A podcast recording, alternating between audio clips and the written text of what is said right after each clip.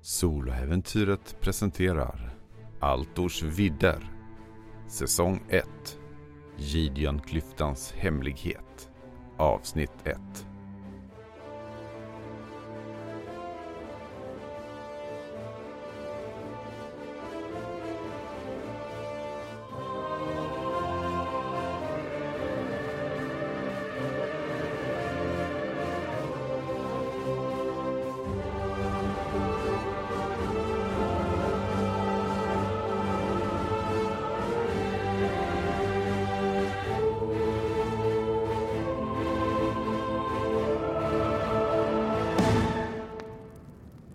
känner till vad som hände med den bryktade hjälten Sanko Anka? Såklart jag gör det. Det är ett fascinerande öde som var ett mysterium till och med för mig under lång tid. Du har redan hört mig berätta en del av Sankos öden i andra berättelser. Men låt mig ge en kort summering om hans livsöden innan jag påbörjar berättelsen om hans mystiska försvinnande. Sanko kom från en inflytelserik familj i Trakorien, där han levde ett stillsamt liv som ädling. Han var en skicklig patafäktare som gjorde sig ett namn på att duellera. Men då hans familj gav skydd åt fel personer fick de smaka på giftet från Rabdorana, den fruktade lönnmördarsekt som vid den tiden utförde Shaguls smutsiga verk. Ja, precis. Jag ser att du är bekant med de legenderna också. Och att du vill höra mer om dem. Men oroa dig inte. Jag lovar att vi kommer till dem också, i sinom tid. I alla fall. Sanko var listig, eller hade tur. Beroende på vem man frågar och överlevde Rabdoranas anfall.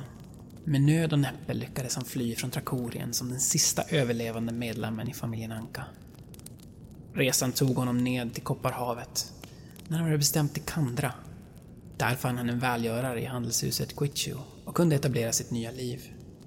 Han blev snabbt ett uppskattat inslag och gjorde även patafäktningen till ett uppskattat inslag bland de som levde där.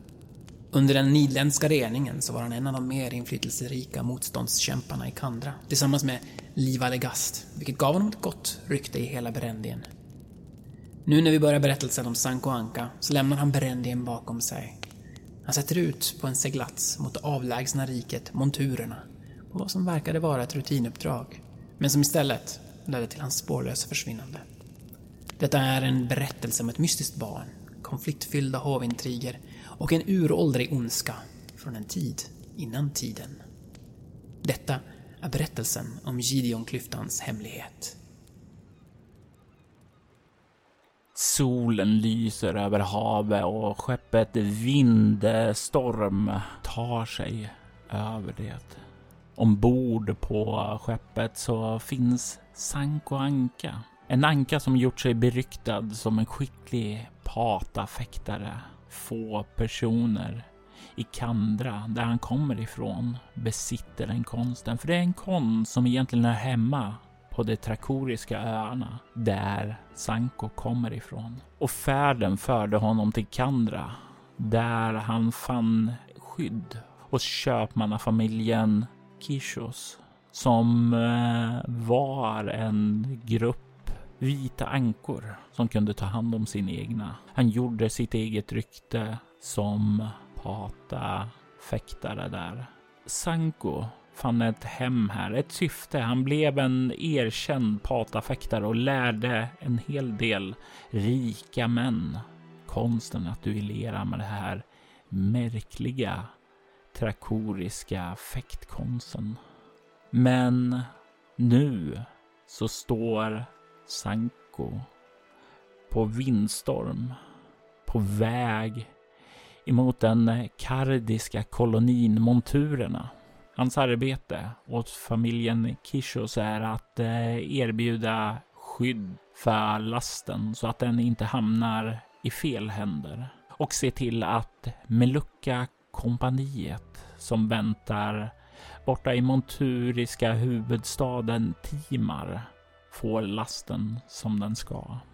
Jimmy, jag vill att du tar och eh, beskriver vem Sanko är. Hur ser han ut? Vad eh, för intryck får man av honom? Sanko Anka är ju en eh, vit anka, hemmahörande från Trakorien, eh, vilket man hör på hans dialekt säkert. Han eh, är med ankmått mätt reslig. Han är nästan en och en halv meter. Och har en fysik som trots hans ganska höga ålder ändå är imponerande. Återigen med ankmått mätt. Han har eh, en eh, bakgrund inom aristokratin. Eller en, han, han härstammar från en fin familj och har en god skolning. Och hans ögon är nötbruna. Hans röst är väl med människomått mätt ljus. Men, men eh, jämfört med en anka ändå respektingivande. Man kan säga att eh, Sanko är en ganska luttrad person ändå. Alltså, eh, han har ju ett eh, god utbildning. Han har lärt sig eh, mycket tack vare sin goda eh, sociala status och han har ju gjort sig ett rykte som en skicklig patafäktare och han är ju ja, i mångt och mycket vad de flesta skulle säga som en hjälte, så han har ju ett rykte om sig också. Mm. En annan sak som kanske präglar honom som person är ju att eh, han letar lite grann efter sitt fortsatta syfte. Han har ingenting som binder honom riktigt. Eh, han hittade ju sitt hem hos Kishos och jobbar ju i deras tjänst, men letar ändå efter någonting mer i livet än det han har. Han har ju dessvärre ingen nära familj. En del av sin bakgrund vill han inte gärna prata om. Eh, för att det väcker minnen och sånt. Eller plågsamma minnen. Minnen som man kanske lämnade bakom sig borta i Trakorien. Det är en vacker dag då du börjar närma dig monturerna. Eh, antingen kommer ni fram ikväll eller så kommer ni fram under morgondagen. Det är en ganska gynnsamma vindar som blåser nu och det går ganska snabbt eh, framåt. Så just nu är det väldigt gynnsamt. Jag vill att du börjar med att be att du slår ett slag för finna dolda ting. Nej, jag misslyckas. Då är det inte du som lägger märke till det, utan ni kan istället höra uppifrån utkiken som ropar då Eh, kapten! Eh, Sanko! Och eh, ni kan se hur utkiken pekar lite snett eh, nordväst. Eh, och eh, när ni kollar dit så kan ni lägga märke till att det verkar vara fiskmåsar som verkar kretsa över någonting. I det guppande vattnet så kan ni se att det verkar vara någonting där, men kan inte riktigt se vad. Men det är väldigt, väldigt många måsar. Har du någonting i zoologi? Nej. Nej, men då ser det att det verkar vara väldigt många måsar som eh, kretsar ovanför där. Jag går vi fram till relingen. Eh, försöker skärpa blicken så gott det går. Eh, om det finns tillgång till någon kikare. Kapten som eh, går fram med dig kikar först och sedan så räcker han över tubkikaren till dig lyfter den och kollar igenom och ser om det kan tänkas vara något, något någon död val eller en haj eller någonting som, som lockat till sig alla de här fåglarna, asätarna. Du kan se att det verkar vara vrakspillror efter en väldigt liten båt. Eh, och när jag säger väldigt liten båt så är det inte en kogg eller någon sådant, utan ännu mindre, utan det ser snarare ut som en eka, vilket du känner är väldigt, väldigt märkligt att det ska komma så här långt ut. Det är väldigt långt ut. Eh, om det är ja, några timmar till Timar så är det nästan så att den måste ha släpats med med någon annan båt för att komma hit. Men den verkar i alla fall sönderslagen och vrak där och du tycker dig ser någonting annat. Eh, på en av de här brädlapparna av botten på det här skeppet eh, som ligger och guppar där i vatten så kan du se att det, det verkar ligga ett eh, knytte ihopsvept och du tycker att det, här knyttet verkar röra på sig och inte bara som att det guppar då i vattnet utan det är som om något är insnort i där och det försöker ta sig ut ur det. Eh, hur långt ifrån är vi ungefär? Du skulle säga kanske 100 meter. Ni börjar ju komma närmare det, men ni kommer inte åka för rätt på det, utan ni åker ju förbi det. Hur är vattnet? Är det mycket vågor eller är det relativt lugnt? Det är ju relativt lugnt. Det är ju definitivt inte storm eller något sådant, utan det är ganska gynnsamma förhållande då, så att säga. Eh, har vi någon extra eka ombord som man kan fira ner eller är det om, om, om, om man vill utforska närmare utan att riskera skeppet att gå på grund exempelvis. Är det då att ta sig ner i vattnet själv som är att föredra? Eh, det, ni har ju en eka som ni kan landsätta och ta er så, men det tar ju lite mer tid än om du som anka som simmar väldigt bra eh, tar dig ner och simmar dit. Ja. Eh, ja, vattnet är ju mitt naturliga element kan man väl säga som anka. Och eh, så vitt jag kan se så verkar det inte finnas några farligare saker än andra fåglar här i närheten eh, i vattnet. Kollar väl ifall jag ser tecken på hajar eller så. Nej, du ser inte några tecken på hajar och inga, det är inga sådana hajfenor och inte blod i vattnet eller sådant, utan det verkar bara vara den här krossade ekan och det här knyttet. I så fall så gör jag nog så att jag tar av mig den utrustning som jag bär på mig. Tar av mig mitt vapenbälte. Vad, vad är det för vapen som finns i det där vapenbältet? I mitt vapenbälte så finns det ju två stycken slagsvärd. Kanske något mindre än den variant som eh, en människa skulle bära. Men eh, ändå rejäla klingor, välsmida. Med ankmått så framstår de ju som gigantiska. Det är ju inte särskilt många ankor som, särskilt i din ålder, som klarar att hålla två stycken slagsvärd i varsin hand. Nej, eh, det är ju väldigt mycket träning som ligger bakom. Eh, och Sanko ser ju till att hålla sig i form trots sin höga ålder. Eh, utöver det så har han även en liten dirk. Och dirken tar väl han i sin hand för att eventuellt behöva skära loss, om man behöver skära loss någonting. Det, det där knyttet, vad det nu kan tänkas vara.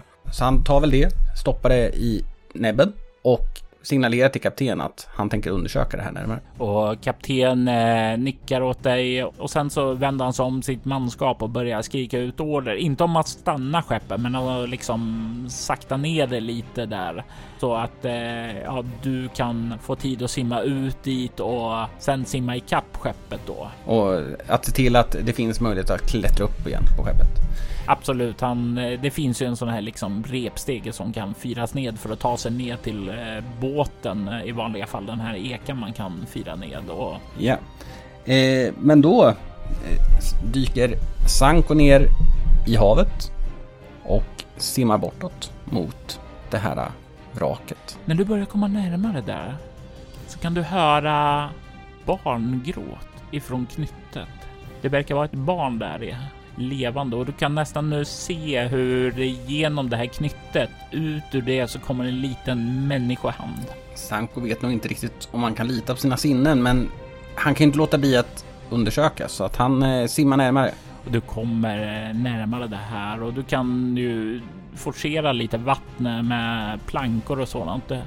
Eh, jag tänker mig att du kan slå ett eh, antingen sjökunnighet eller så kan du slå ett överlevnad eller ja, du skulle kunna använda finna dolda ting också för att se eh, lite olika saker. Du har minus tre på finna dolda ting dock, för det är inte lika specifierat som de andra två. Och de andra var överlevnad och sjökunnighet. eh, då blir det väl finna dolda ting? Ja, du har CL minus tre då. Jag är inte i närheten. Som sagt var, du kan ganska enkelt då skjuta undan eh, de här små vraken och så, men du kan inte riktigt se vad som skulle kunna ha krossat båten där. Du kommer närmare till eh, själva knyttet och du hör ju att det gråter ju nu. Det verkar ohejdligt, alltså av förståeliga skäl. Ett barn som verkar lämnad här ligger och guppar. Det är ju klart det gråter. Hur är Sankos hand med barn överlag? Har han någon erfarenhet? Den lilla erfarenhet han eventuellt har utav barn är ju in, kanske inte med de mänskliga barnen. Han eh, har ju inte haft lyckan att bilda familj själv. Eh, han har inga, inga, inga, egna barn. Så att, ja, hans barnvana är väldigt begränsad. De, barn hålls kort i de flesta sammanhang som han har ja, i, i, i de överklassammanhang som han har varit. Eh, men samtidigt så har han ett gott hjärta. Så han försöker ta sig fram till barnet och samtidigt hålla ögonen öppna för att se ifall det finns någon förälder till barnet som flyter runt här. Det är något speciellt som måste ha hänt här. Om ett barn ligger här alldeles ensam. Speciellt så litet. När du kikar dig runt så kan du inte direkt se någon förälder överhuvudtaget. Alltså om det har funnits en sådan eh, så tycker du att det borde ha sjunkit eh, eller så tycker du att det borde flyta omkring här öppen. Givetvis såvida inte det har tyngts ned och följt med ned i djupet. Då är det ett eh, ja, det är ju så långt ner här ute på havet så du tvivlar på att du skulle nå ner och bara simma där alltså. Men när du kollar på barnet här så kan du ju se att det eh, verkar rätt så hälsosamt. Du kan se att det verkar ha två stycken eh, ja, ögon som plirar. Väldigt, väldigt rädd av den här omgivningen som den befinner sig i.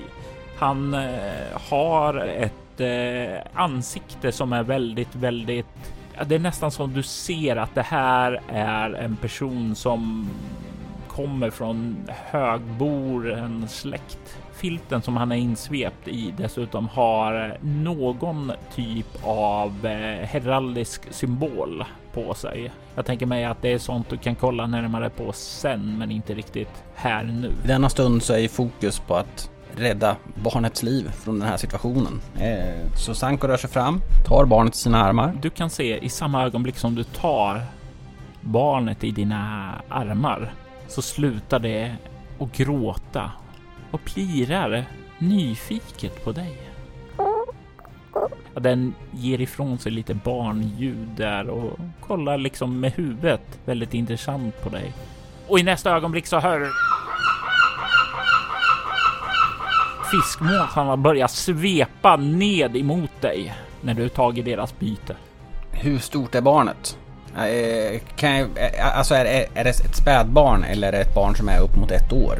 Du skulle väl säga att det är ett, ja, ett mellan ett halvår och ett år. Så barnet kanske väger ett 10 kilo ungefär? Eller kanske var mycket? 6-7 kanske? Ja. Jag, jag fattar barnet i ett tryggt grepp med ena armen och eh, med andra armen tar jag den dirk jag har i näbben och eh, gör mig redo att vifta bort och försvara barnet medan jag simmar därifrån. Ja, jag tänker att du ska få slå ett slag med din dirk då för att se hur bra det går.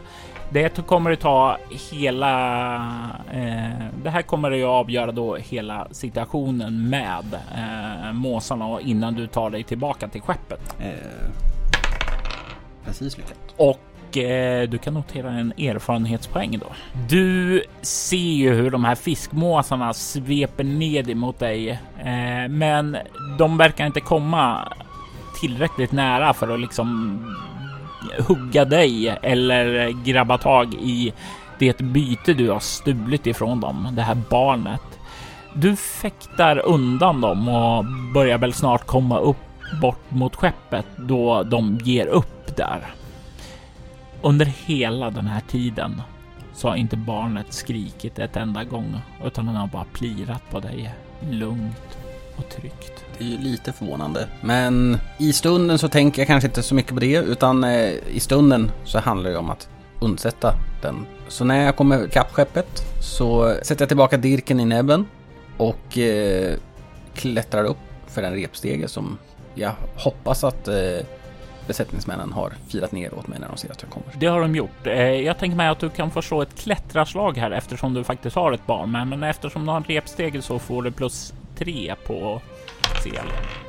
Eh, jag misslyckas. Eh, det blir ju som sagt var att du försöker där och klättra upp, men det, du är ju inte van att klättra med barn i famnen där, så det blir ju som så att eh, efter några pinsamma försök där så blir det att en av matroserna får klättra ned och ta emot barnet och lyfta upp det innan Sanko kan klättra upp för egen maskin utan barn. Eh, och när du kommer upp så kollar kapten på dig och säger okej, okay, eh, bara, bara det där är allt du fann. Ja. Du hör i bakgrunden här hur barnet skriker och gråter just nu.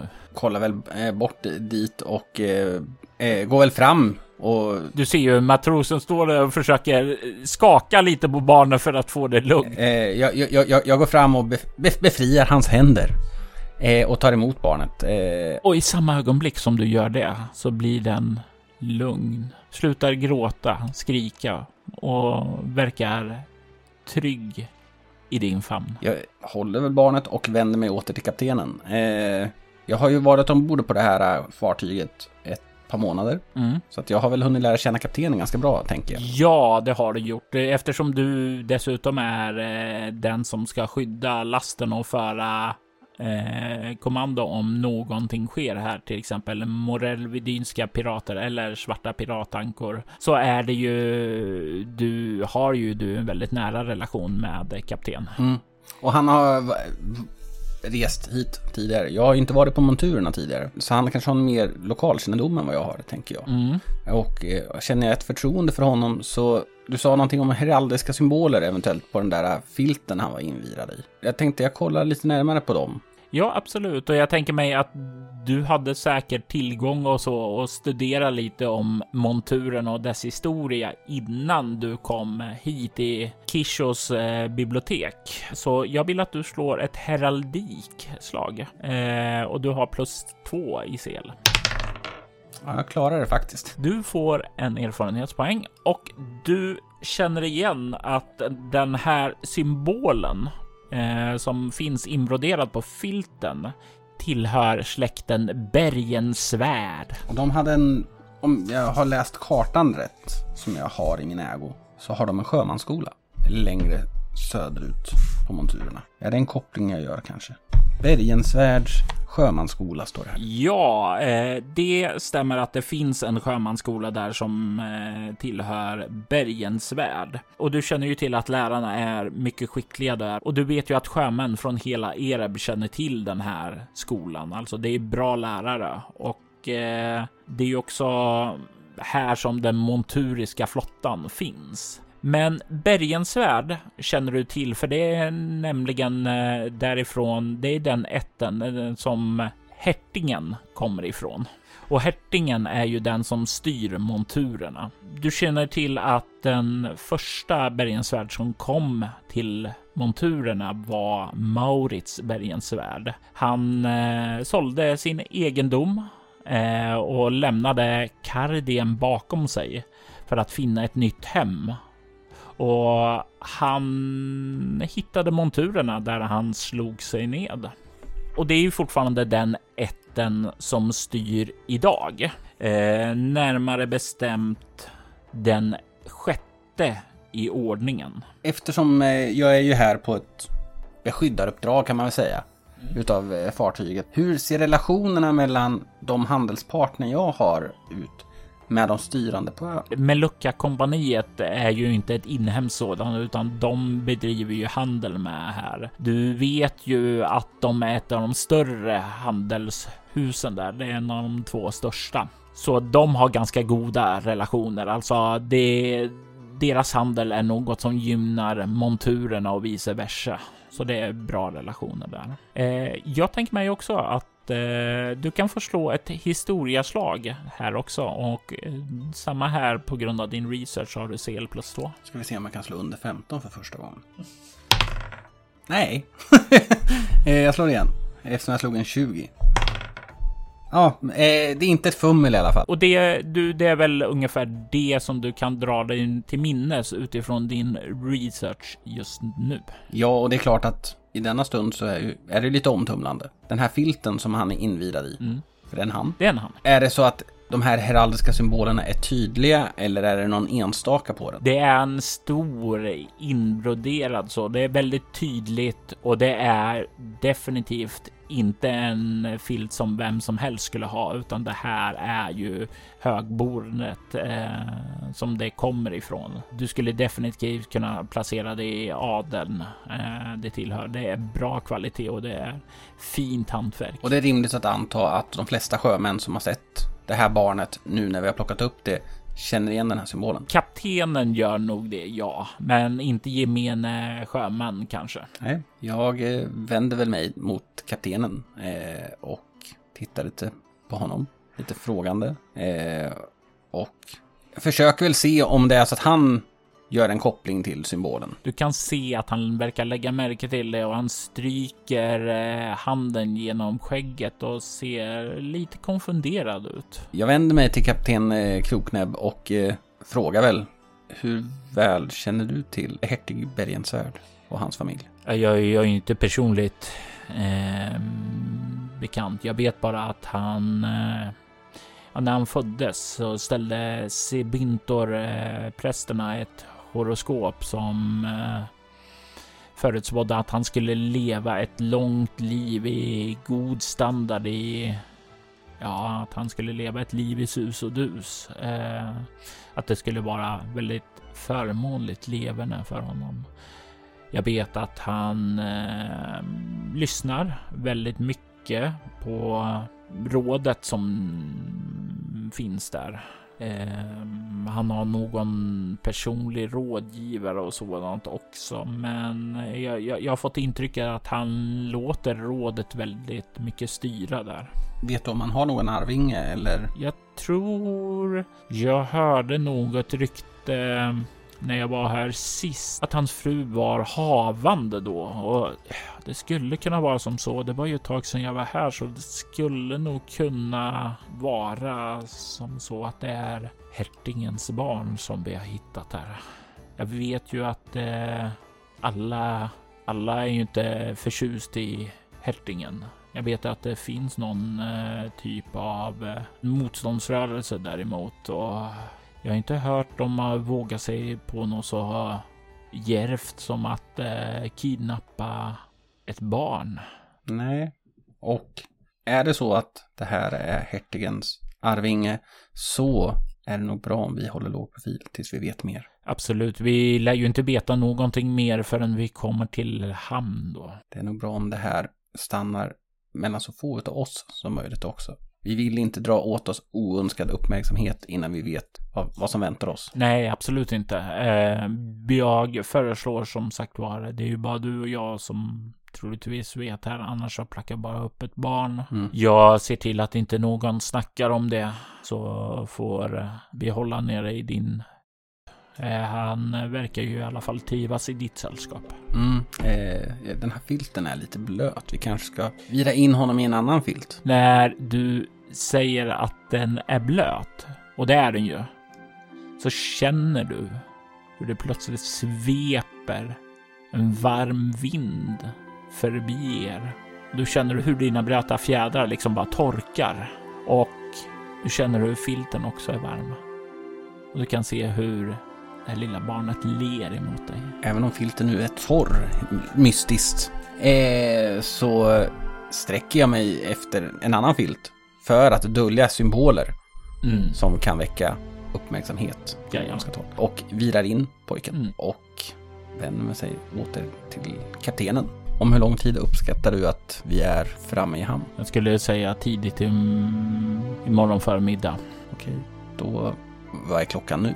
Är det, börjar det mörkna eller? Jag skulle säga det passerar en bit efter eh, tresnåret. Så att det är några timmar kvar med solljus? Jajamän. Och hur var det? Har vi någon typ av bibliotek ombord på båten att tillgå för att läsa, sätta sig in mer eller? Jag tänker mig säkerligen att du har med en eh, kista med lite böcker eh, om själva monturerna och sådant från Kishos eh, bara för att kunna göra lite slå upp lite saker och sådant. Ja, jag tänker att jag vet ju inte hur länge barnet har varit i vattnet och jag vill ju dra så lite uppmärksamhet till barnet som möjligt tills vi vet mer och jag vill veta så mycket som möjligt. Så jag eh, ursäktar väl mig lite grann från kaptenen. Om det inte är så att min roll som beskyddare på något sätt kräver min närvaro. Nej, det är ju ingenting som krävs just nu med tanke på att eh, det är ganska lugnt här. Det är ju snarare, det brukar ju bli som så. Du har ju fått bara ingripa lite någon gång så här när det har kommit in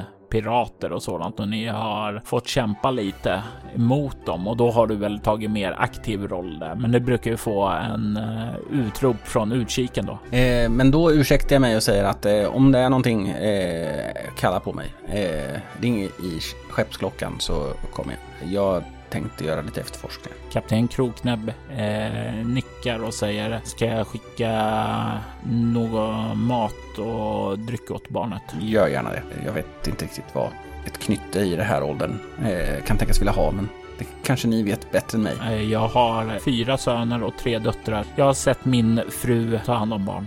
På återseende. Du kommer ner till din hytt där och kan stänga dörren där. Och vad gör du när du är väl ensam där? Det här barnet har ju varit med om en del.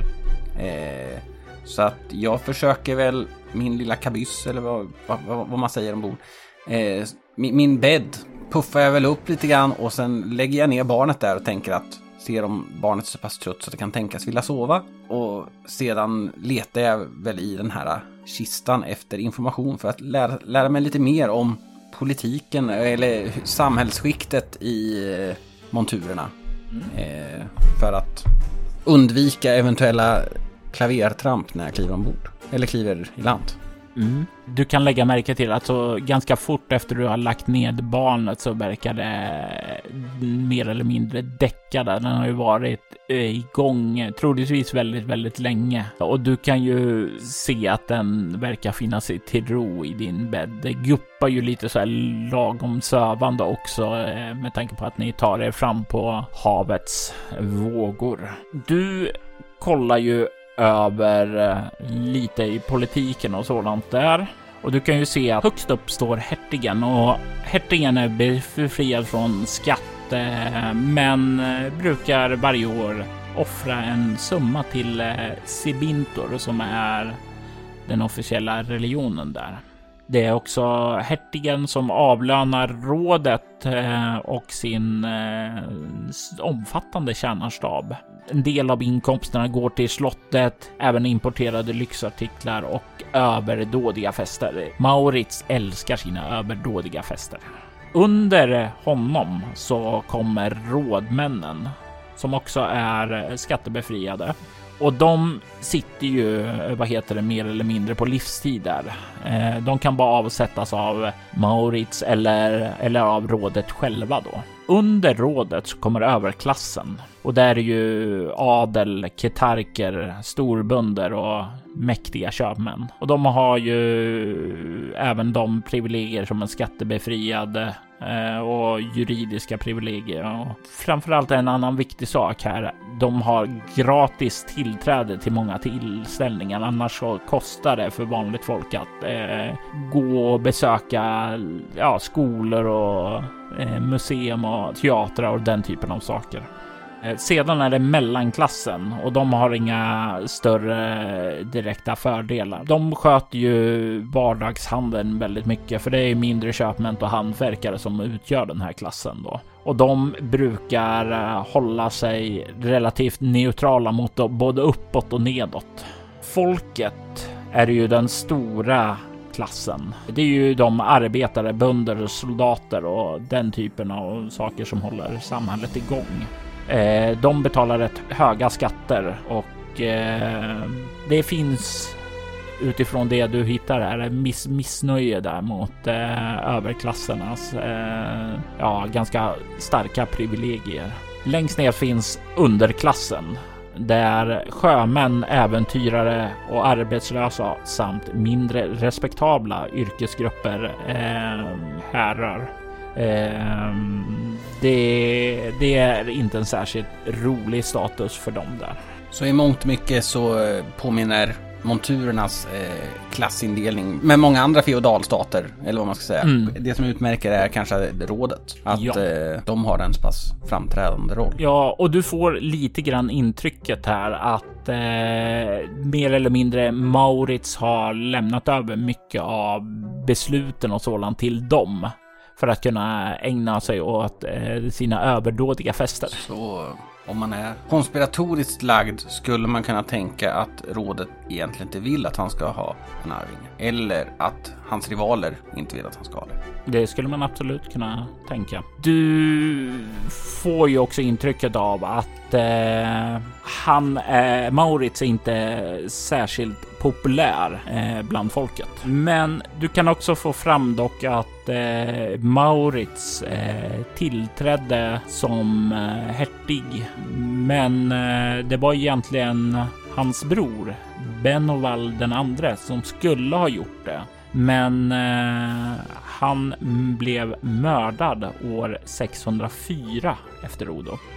Benoval var lite grann motsatsen till Maurits eftersom eh, han var väldigt driven, väldigt involverad. Så om du vill spä på dina konspirationsteorier. Någon i rådet eller hertigen dräpte honom för att få den riktiga makten. Är det vad Sanko tänker när han sitter där och studerar luntorna? Eh, Sanko har ju varit med om en del samhällsomvälvande förändringar i de länder han har bott i. Exempelvis i Trakorien där Rabdorana slog ett slag mot hans familj och an även andra familjer. Så att han vet ju hur mycket makt och rikedomar kan få folk att agera oetiskt. Han vet för lite om monturerna för att kunna säga någonting med säkerhet, men efter att ha funnit vad han så mycket väl kan vara en tronarvinge flytandes i vattnet lämnad att dö så stänger inte han några dörrar. Och han kommer väl vilja ta reda på mer innan han agerar på det. För det här kan ju vara något positivt för honom. Men det kan också innebära en hel del fara för honom och barnet och människorna runt omkring honom. Är det någonting han vet från sin uppväxt i Trakorien är ju att hovintriger, adelskamper, ränker och annan typ av djävulskap där har en tendens att kunna ja, skaka om ens liv på oväntade sätt. Är det några särskilda förberedelser du tänker att du vill göra innan du kommer fram med vindstorm dagen efter denna då du fann detta barn? Den filt som eh, barnet är invilat i gömmer jag undan. Mm. Klär honom istället i en mer neutral filt. Mm. Och eh, annars så försöker jag väl vara så utvilad som möjligt när kliver i land och samtidigt vara vaksam. Oftast så brukar ju pirater kunna hålla till i närheten av hamnarna och försöka fånga dem när man slappnar av och inte ute på öppet hav där det är svårt att hitta någon. Du tar och vilar under natten och är uppe tidigt dagen efteråt. Barnet får mat och verkar hålla sig lugnt i din närhet. Och när ni väl glider in i hamnen, var befinner han sig då? Befinner han sig i din famn eller befinner han sig nere i din hytt? Och är han själv eller hur, hur, hur tänker du tackla det här med barnet då? Hur reagerar barnet på att om jag exempelvis rör mig en bit ifrån barnet? Är det direkt beroende utav närkontakt för att ha den här tryggheten? Nej, den verkar alltså vad du märker under kvällen och sådant där är att den, den verkar väldigt trygg i din eh, rum. Alltså visst går du ut så efter en stund så börjar den eh, gny när den märker att den är själv övergiven där och du får väl skynda tillbaka då om du eh, behövde gå på latrinen så att säga där så märker du när du kommer tillbaka att han gråter då. Mm. Och det är klart, jag, så pass mycket hjärta har jag ju att jag inte vill lämna ett barn och gråta i, i hytten. Men det är ju rätt i ögonfallande att som anka bära omkring på ett mänskligt litet barn i famnen. Men eh, nöden har väl ingen lag. Så att eh, jag eh, har nog barnet invirat i en filt med mig när jag står där uppe. Om möjligt kanske en liten korg där som man, man kan lägga den i och den kan vila. Det har inte varit något problem att få en liten korg där du kan eh, skriva upp eh, på utrustning korg med barn. Du står uppe på däck då vindstorm glider in i Timars hamn. Du har anlänt till motorerna nu. Du är här för att överlämna lasten till med lucka kompaniet.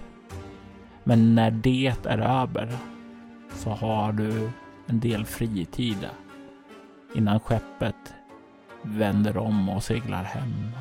Du har inget åtagande efter det, men kanske så har du funnit ett åtagande nu.